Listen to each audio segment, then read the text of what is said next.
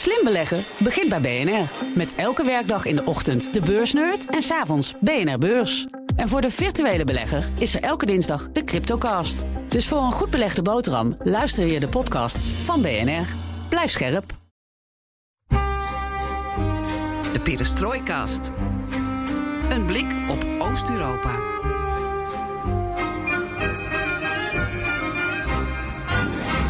Welkom bij BNR Perestroikast, aflevering 80 van de enige podcast van Nederland die volledig oog voor het oosten geeft en heeft.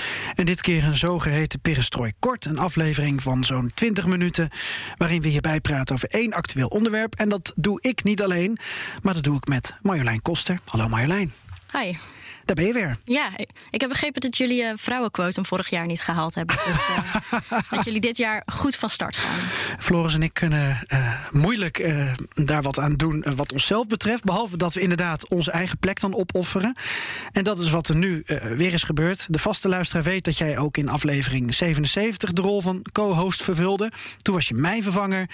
Dit keer is het Floris die, ik zeg gewoon even van zijn welverdiende rust geniet en even op vakantie is. Jij kan zeggen die aan ons vrouwenquotum werkt. Hoe dan ook, uh, Marjolein, je bent er heel fijn. Mm -hmm.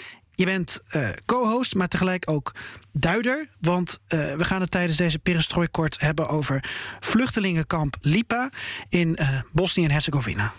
Ja, en je zou kunnen zeggen dat uh, Kamp Lipa een beetje het Moria van de Balkan is. Ik ben zelf niet op Moria geweest, dus dit is een beetje gek om te zeggen. Ja. Maar zo wordt het nu wel aangeduid. Ik wel, dus dat kan ik wel zeggen. Maar ik ben dan niet in Lipa nee, geweest. Nee, um, het is een stuk kleiner dan Moria, dat moeten we gelijk wel zeggen. Maar het is qua omstandigheden volgens mij uh, zeker te vergelijken. Het is een vluchtelingenkamp in Europa met, um, nou ja, de situatie wordt daar steeds nijpender. En dat is op dit moment ook heel actueel en daarom hebben we deze opname. Ja, jij bent er eind vorig jaar nog geweest. Ja. Vlak voordat het kamp afbrandde. Waardoor het uh, vlak voor de feestdagen in het nieuws kwam. En er een hele chaotische, onoverzichtelijke situatie ontstond. Met sneeuw en vrieskou en vluchtelingen in bussen die vervolgens weer terugkeerden. Ja, en uh, nou ja, voor de duidelijkheid, Lipa ligt dus uh, in de buurt van Bihać. En Bihać is, uh, ligt in het noordwesten van Bosnië. Ehm, relatief dicht bij de Kroatische grens. En dat is dus ook de reden dat heel veel vluchtelingen zich daar verzamelen, omdat ze richting de Europese Unie willen. En um, ja, ik, ik, was daar dus omdat het eigenlijk al het plan was dat het kamp ontruimd zou worden. Dat zou eigenlijk al eind november, begin december gebeuren. Nou, dat heeft nog een beetje langer aangehouden, totdat het nou ja, echt een soort explodeerde met inderdaad een brand. En uh, nou, gaan we het straks verder over hebben. Ja. En we pakken natuurlijk ook uh, de rol van Brussel erbij. Want het vluchtelingenkamp dat uh, ja, schurkt tegen de Europese Unie aan. En het laatste nieuws is dat de Europese Commissie nu met miljoenen euro's extra over de brug komt. om iets aan de humanitaire situatie in Bosnië te doen. En of daarmee een oplossing in zicht is, of juist helemaal niet. dat gaan we zo bespreken met Marjolein dus. Uh, maar ook met Niels van Sloten. Hij woont namelijk in Bosnië, in Bihać. op zo'n 20 minuten rijden van Lipa. Maar eerst Marjolein, even kort natuurlijk de administratie. Ja, want je weet het inmiddels. Alles ten oosten van de rivier de Elbe kan de komende weken, maanden, jaren in deze podcast besproken worden. Het is toch mooier inderdaad als een vrouwenstem dat inspreekt. Wat leuk is, is dat we ook heel sociaal en democratisch zijn en dat je ideeën kunt inbrengen via Twitter, Perestrooikast. Of mail ons op perestrooikast.bnr.nl. En we doen daar ook wat mee. Ik ben Marjolein Koster. Ik ben Geert-Jan Haan. En dit is BNR Perestrooikast.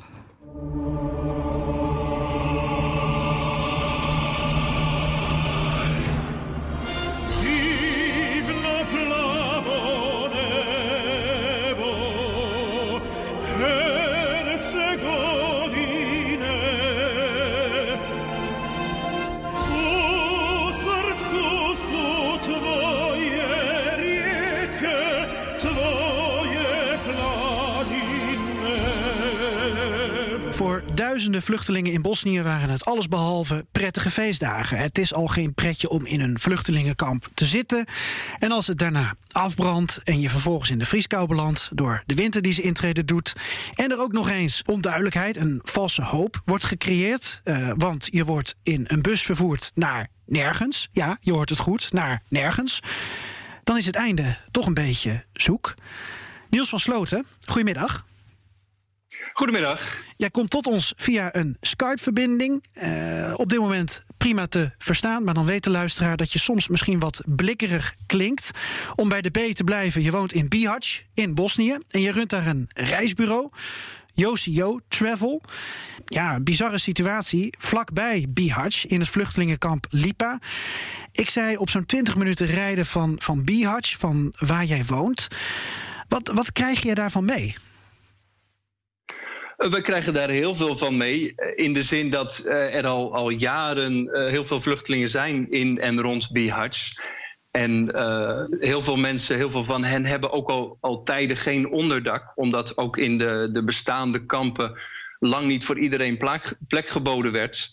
Dus, dus het is voor ons een, een vertrouwd straatbeeld om ook vlak bij ons huis, op, op twee minuutjes lopen, als we de hond uitlaten, zien we s'avonds de vuurtjes waarbij groepjes vluchtelingen zich warmen en, en onder de brug hun, hun slaapzakje, als ze die hebben, uitrollen om te slapen. Uh, dus dus het, het, hoort er helemaal bij in, uh, in Bihać. Dat je mensen ziet die, die totaal niks hebben. Ja. En, en, en ja, uitzichtsloze situaties. Uh, de grens met Kroatië is, is nauwelijks te passeren. Dus de meeste mensen die de, de, de zogenaamde game proberen, die komen daar ook een paar dagen later weer van terug. Ja. Um, en, en dat is. nu heb ik ook begrepen dat um, dat eigenlijk lokale autoriteiten ook steeds strenger worden op die vluchtelingen die in Bihać zelf zitten. Dus uh, ik was er uh, vorig jaar, dus, nou, anderhalf jaar terug en dus uh, vorige maand. Um, nu heb ik niet zo'n heel goed zicht op hoe dat dan door de tijd verandert. Maar zie je dus ook in het straatbeeld van Bihać dat dat uh, steeds minder wordt? Of dat ze op andere plekken zitten? Dat de vluchtelingen nou ja, dus veranderen van plek waar ze verblijven? Of... Ja, de, stad Bihać is, uh, daar wordt veel gecontroleerd door de politie. Dus wij zien, als we de kinderen bijvoorbeeld s ochtends naar de, de opvang naar de school brengen, zien we regelmatig dat een busje bij een, een uh, verlaten gebouw staat om daar vluchtelingen op te pikken en, en weg te brengen.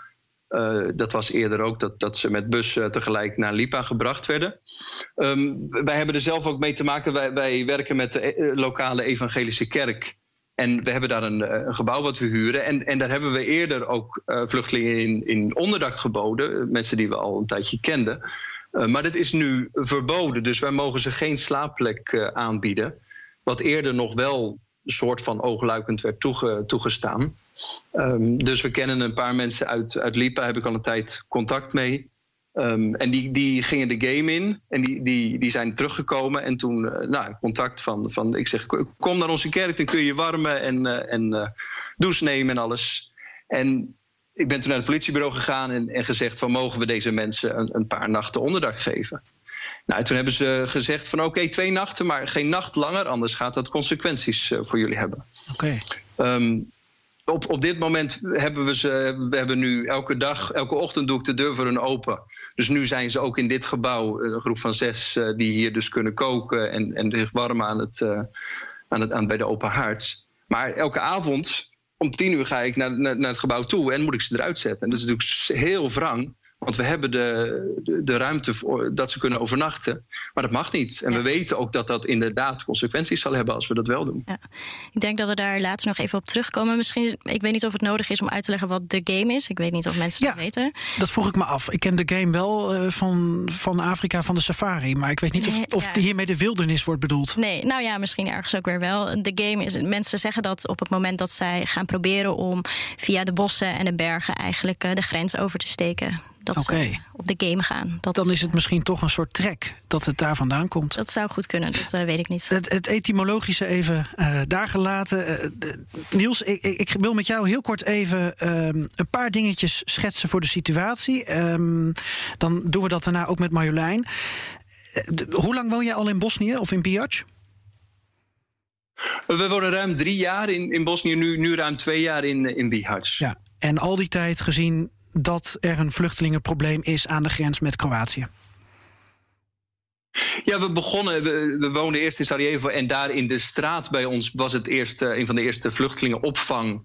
En dat, toen was het ook nieuw voor Bosnië, zeg maar, dat er vluchtelingen waren. Um, we merkten toen dat de, locals nog, nog heel erg, uh, ja, de meeste locals heel bewogen waren. Van dat ze zeiden van ja, dit hebben we zelf ook meegemaakt. De oorlog nog vers in, uh, in gedachten, de Bosnische oorlog. Ehm, en nu, nou, nu we twee jaar in Bihać wonen, zien we wel een soort moeheid ontstaan bij de, bij de locals. ze, ze voelen zich niet veilig. Ze halen aan dat er van politierapporten dat er veel meer criminaliteit is. Dus het sentiment is veranderd van, van we willen deze mensen helpen. Naar van uh, oké als ze geholpen worden, maar niet in, onze, niet in, in, zicht, in het zicht van ons. Oké. Nog één korte vraag. Uh, om hoeveel mensen gaat het? Hoeveel vluchtelingen zwerven daar bij jou rond of zitten daar in kampen? Er zitten in de. We hebben de kamp Borici, dat is in, in de Bihać zelf. Het kamp Sedra, vlakbij Bihać. In totaal zitten. Ik, ik weet de precieze aantallen niet hoor. Maar, maar ik denk dat daar 600, 700 mensen nu zitten. En dan Lipa eh, zo'n 900. En uh, op straat zijn het er meerdere duizenden in, in en omgeving.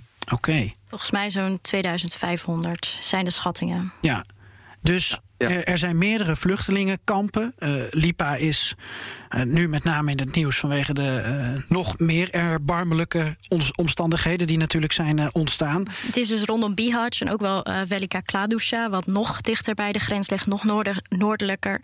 Um, die kampen zijn daar gewoon ontstaan omdat die vluchtelingen daar zijn. En dus ook omdat die vluchtelingen daar willen zijn. Dus wie zijn die vluchtelingen? Um, je wil weten waar ze vandaan komen, wie ze zijn. Of, Syriërs, uh, politiek, ik economisch? Heb, mm, ik heb Syriërs gesproken. Op dit moment volgens mij ook veel Afghanen, Pakistanen. Um, maar ook een man uit Eritrea heb ik ontmoet.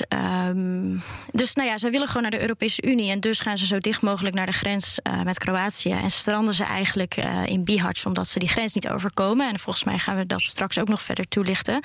Um, dus zijn daar kampen neergezet. En dit specifieke kamp, Kamp Lipa, um, is in april opgezet. Het was, Door? Met geld van de Europese Unie. Oké.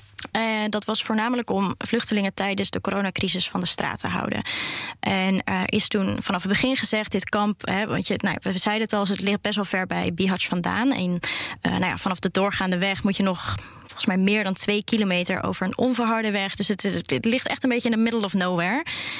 Um, en vanaf het begin heeft de Europese Unie gezegd: je, het moet worden aangesloten op elektriciteit, riolering, water. Want het moet uh, gewoon een fatsoenlijk kamp worden, hè, zodat we het niet alleen nu kunnen gebruiken, maar ook in de winter. Um, dat is al die tijd niet gedaan. Al die maanden die ze dus de tijd hebben gekregen om uh, die voorzieningen te maken, dat is gewoon niet gebeurd. En dus heeft de Europese Unie gezegd: wij gaan dit niet meer financieren, want dit is niet menselijk. Nee. En met dat geld gebeurt niks. Dat eh, verdwijnt uh, ergens. Nou, eh, er gebeurt vast wel iets, maar ja. niet wat de afspraak was. Nee. Um, dus de EU heeft gewoon die financiering stopgezet. Maar dat er, omdat er geen alternatief was, heeft dat dus tot het gevolg dat dit nu de situatie is.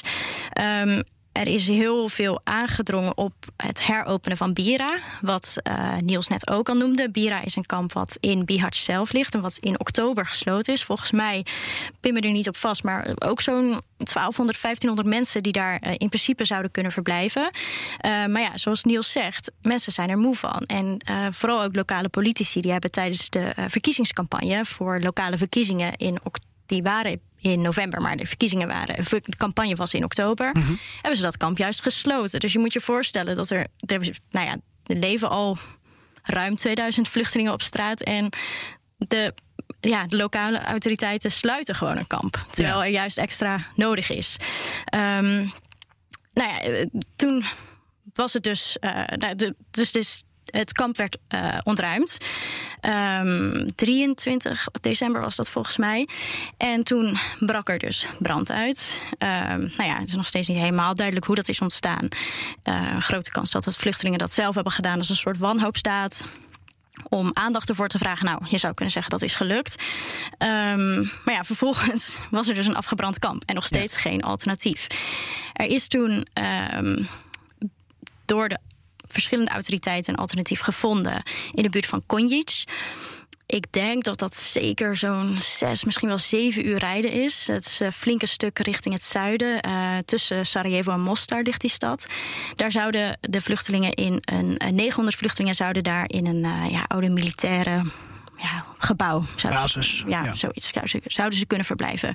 Maar vervolgens werden die bussen uh, tegengehouden door demonstranten die niet wilden dat die vluchtelingen daar zouden komen. Dat was de week tussen uh, kerst en oud en nieuw, ja. hè? Ja. Misschien. nou ja, een paar dagen geleden. Ja, ik weet niet meer welke datum. De 28ste, zoiets. Ja. Ehm, nou, dus vervolgens hebben die vluchtelingen ruim 24 uur in de bus gezeten en zijn ze teruggegaan naar Lipa, waar gewoon nog steeds niks was. En dat is een beetje waar we nu zijn. En dan zijn ze weer naar buiten ge- gegaan in diezelfde eh, temperaturen. Nou ja, Ja. het voor misschien net Nee, niet meer, net maar iets minder, ja. gezellig is anders. Ja, precies. En eh, nou, er zijn wel allerlei vrijwilligers die, ehm, die daar eten uitdelen, ehm, die hout komen brengen, zodat ze vuur kunnen maken, zodat ze een beetje warm kunnen blijven. Maar Ja.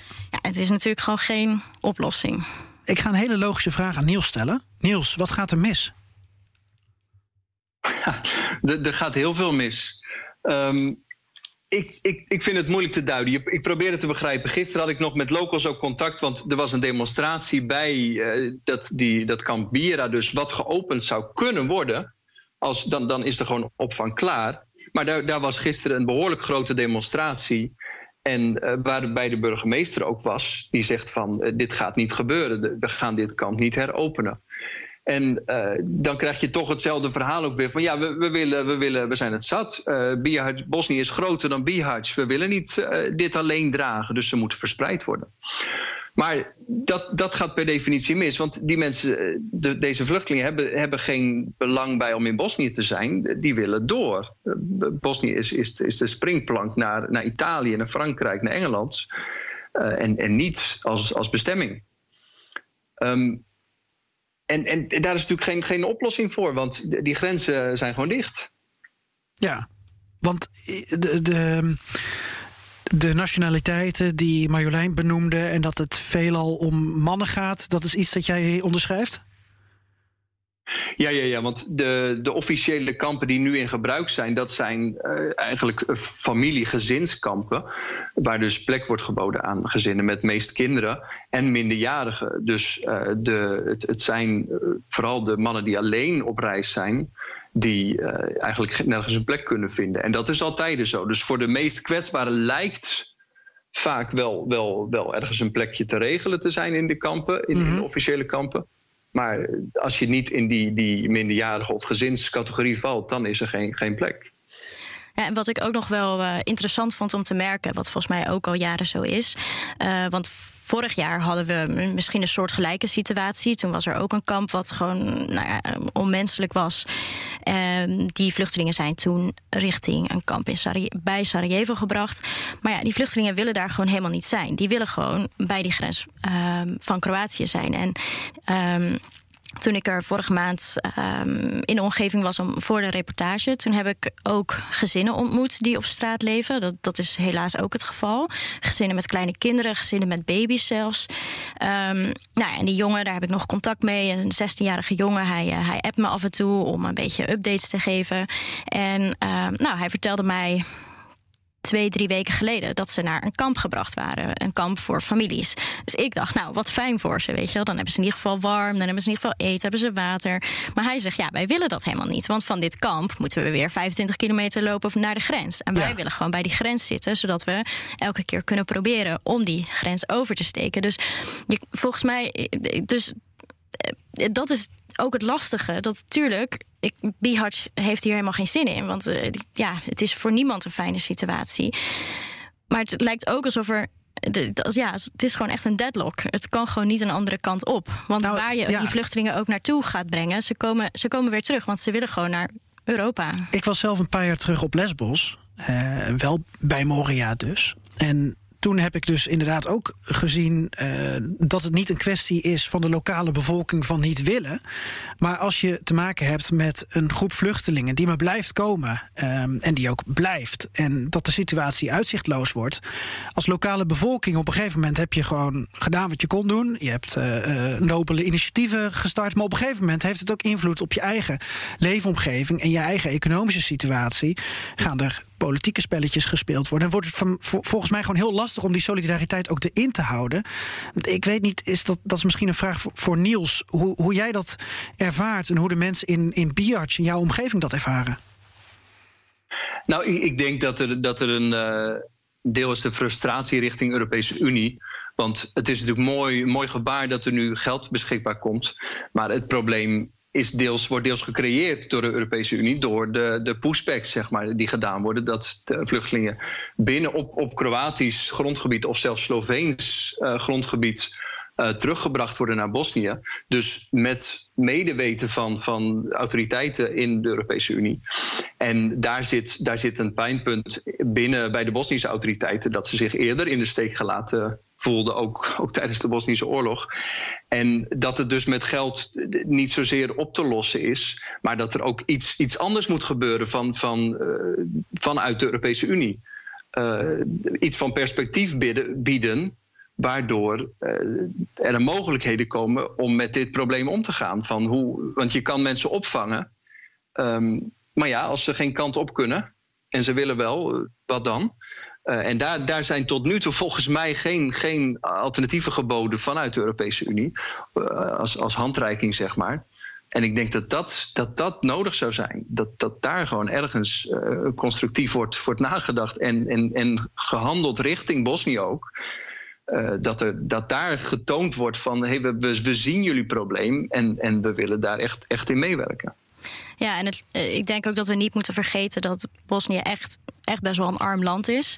Uh, dat zeggen ze ook. Hè, van wij uh, zijn een van de armste landen van Europa. En wij moeten met dit probleem dealen. Europa, gaan jullie het maar lekker oplossen. Dus volgens mij niet alleen de autoriteiten, ook vrienden en kennissen die ik spreek in Bosnië, die hebben echt zoiets van ja, we, die 900 vluchtelingen, als je die nou eventjes in Europa opvangt, hoppatee. Ja, maar ze zijn geen Europese Unie, dus dat kunnen ze wel zeggen. Dat kunnen ze wel zeggen, maar zeker. Dat, maar dan is het wel, je zou kunnen zeggen, het is ook veel efficiënter. Maar goed, het is niet aan mij om te zeggen of, of ze dat moeten doen.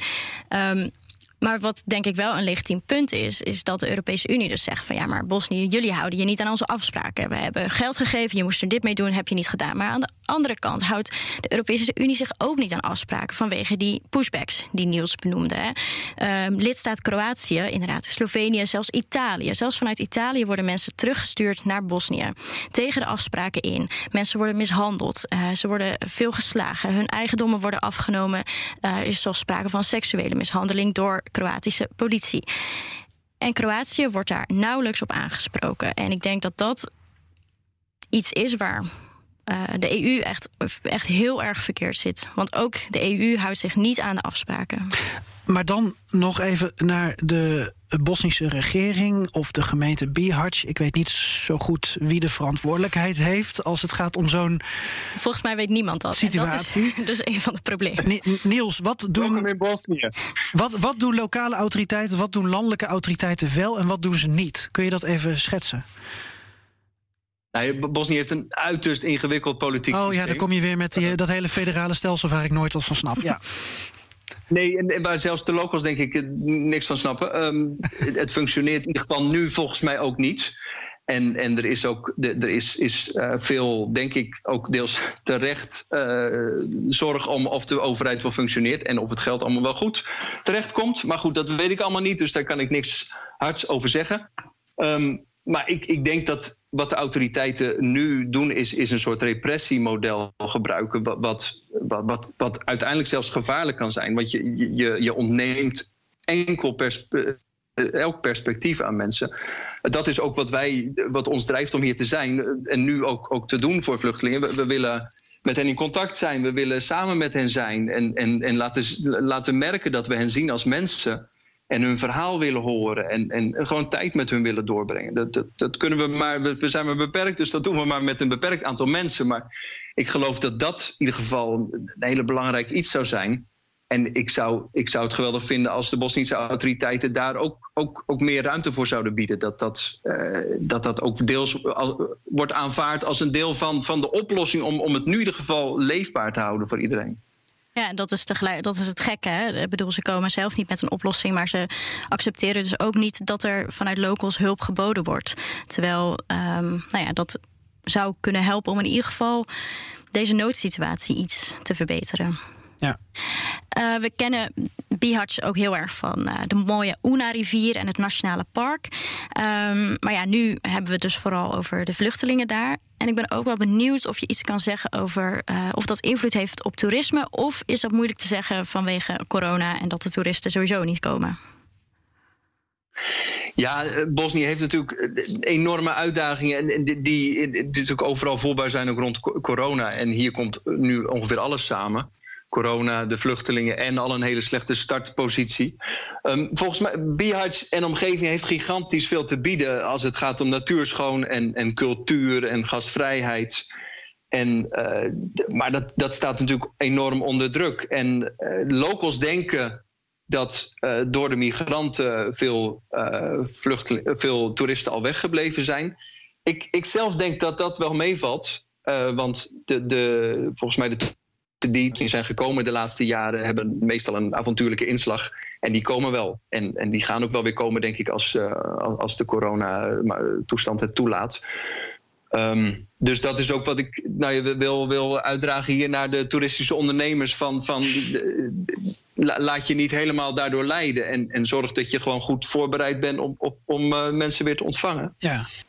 Jij geeft wel de indruk, of jij wekt de indruk tussen, tussen de regels door, dat je eigenlijk, omdat je weinig uh, tijd hoeft te besteden, ook door de pandemie, aan het uh, toerisme, dat je eigenlijk die tijd nu gebruikt uh, om je medemenselijkheid te tonen. Ja, dat klopt. Ja, nee, dat is zeker. We, zijn hier gekomen vanuit een, een mix van, van avontuur en, en vanuit ons geloof in, in God van de Bijbel. Dat we hoop mogen brengen aan, aan, aan mensen in situaties waarin het heel, heel moeilijk is. En, en dat heeft nu een andere vorm gekregen. En, en, en, en daar, daar gebruiken we onze tijd voor. Ja. Marjolein, op welke termijn denk je dat de situatie ietsje menselijker, ietsje beter is? Dat er in ieder geval uh, winterbestendige uh, opvang is? Of moeten we daar nog een, de hele winter op wachten? Wat is jouw indruk? Ja, ik, ik durf mijn vingers er eigenlijk niet meer aan te branden. Ik, uh, afgelopen twee weken was het elke dag weer anders. En ik had geen idee wat ik moest verwachten. En um, aan de ene kant zou je denken, uh, ik zag nu ook dat er sommige vluchtelingen in hongerstaking zijn gegaan om maar te benadrukken dat, ze, nou, dat er echt een oplossing moet komen. Maar ja, volgens mij, als een een afgebrand kamp al niet genoeg urgentie toont, dan ik weet niet wat er nog meer nou ja, de urgentie kan Er zijn eerder miljoenen euro's die kant op gegaan. En, en met geen resultaat. Nu worden er weer miljoenen ja, euro's ter geld, beschikking geld besteld. Is, is gewoon niet het probleem. Geld is, er is altijd voldoende geld geweest om die kampen neer te zetten. Maar niemand wil die kampen hebben. Dat is het probleem. En ik denk ook niet dat de lokale autoriteiten daar snel in gaan veranderen. En het zou kunnen dat, ze, uh, dat het uh, met dwang gebeurt. Hè? Dat uh, op een duur er toch echt vanuit een, de federale regering of vanuit de landelijke regering wordt gezegd: Nou, nu gaan we het gewoon doen, want dit kan zo niet langer.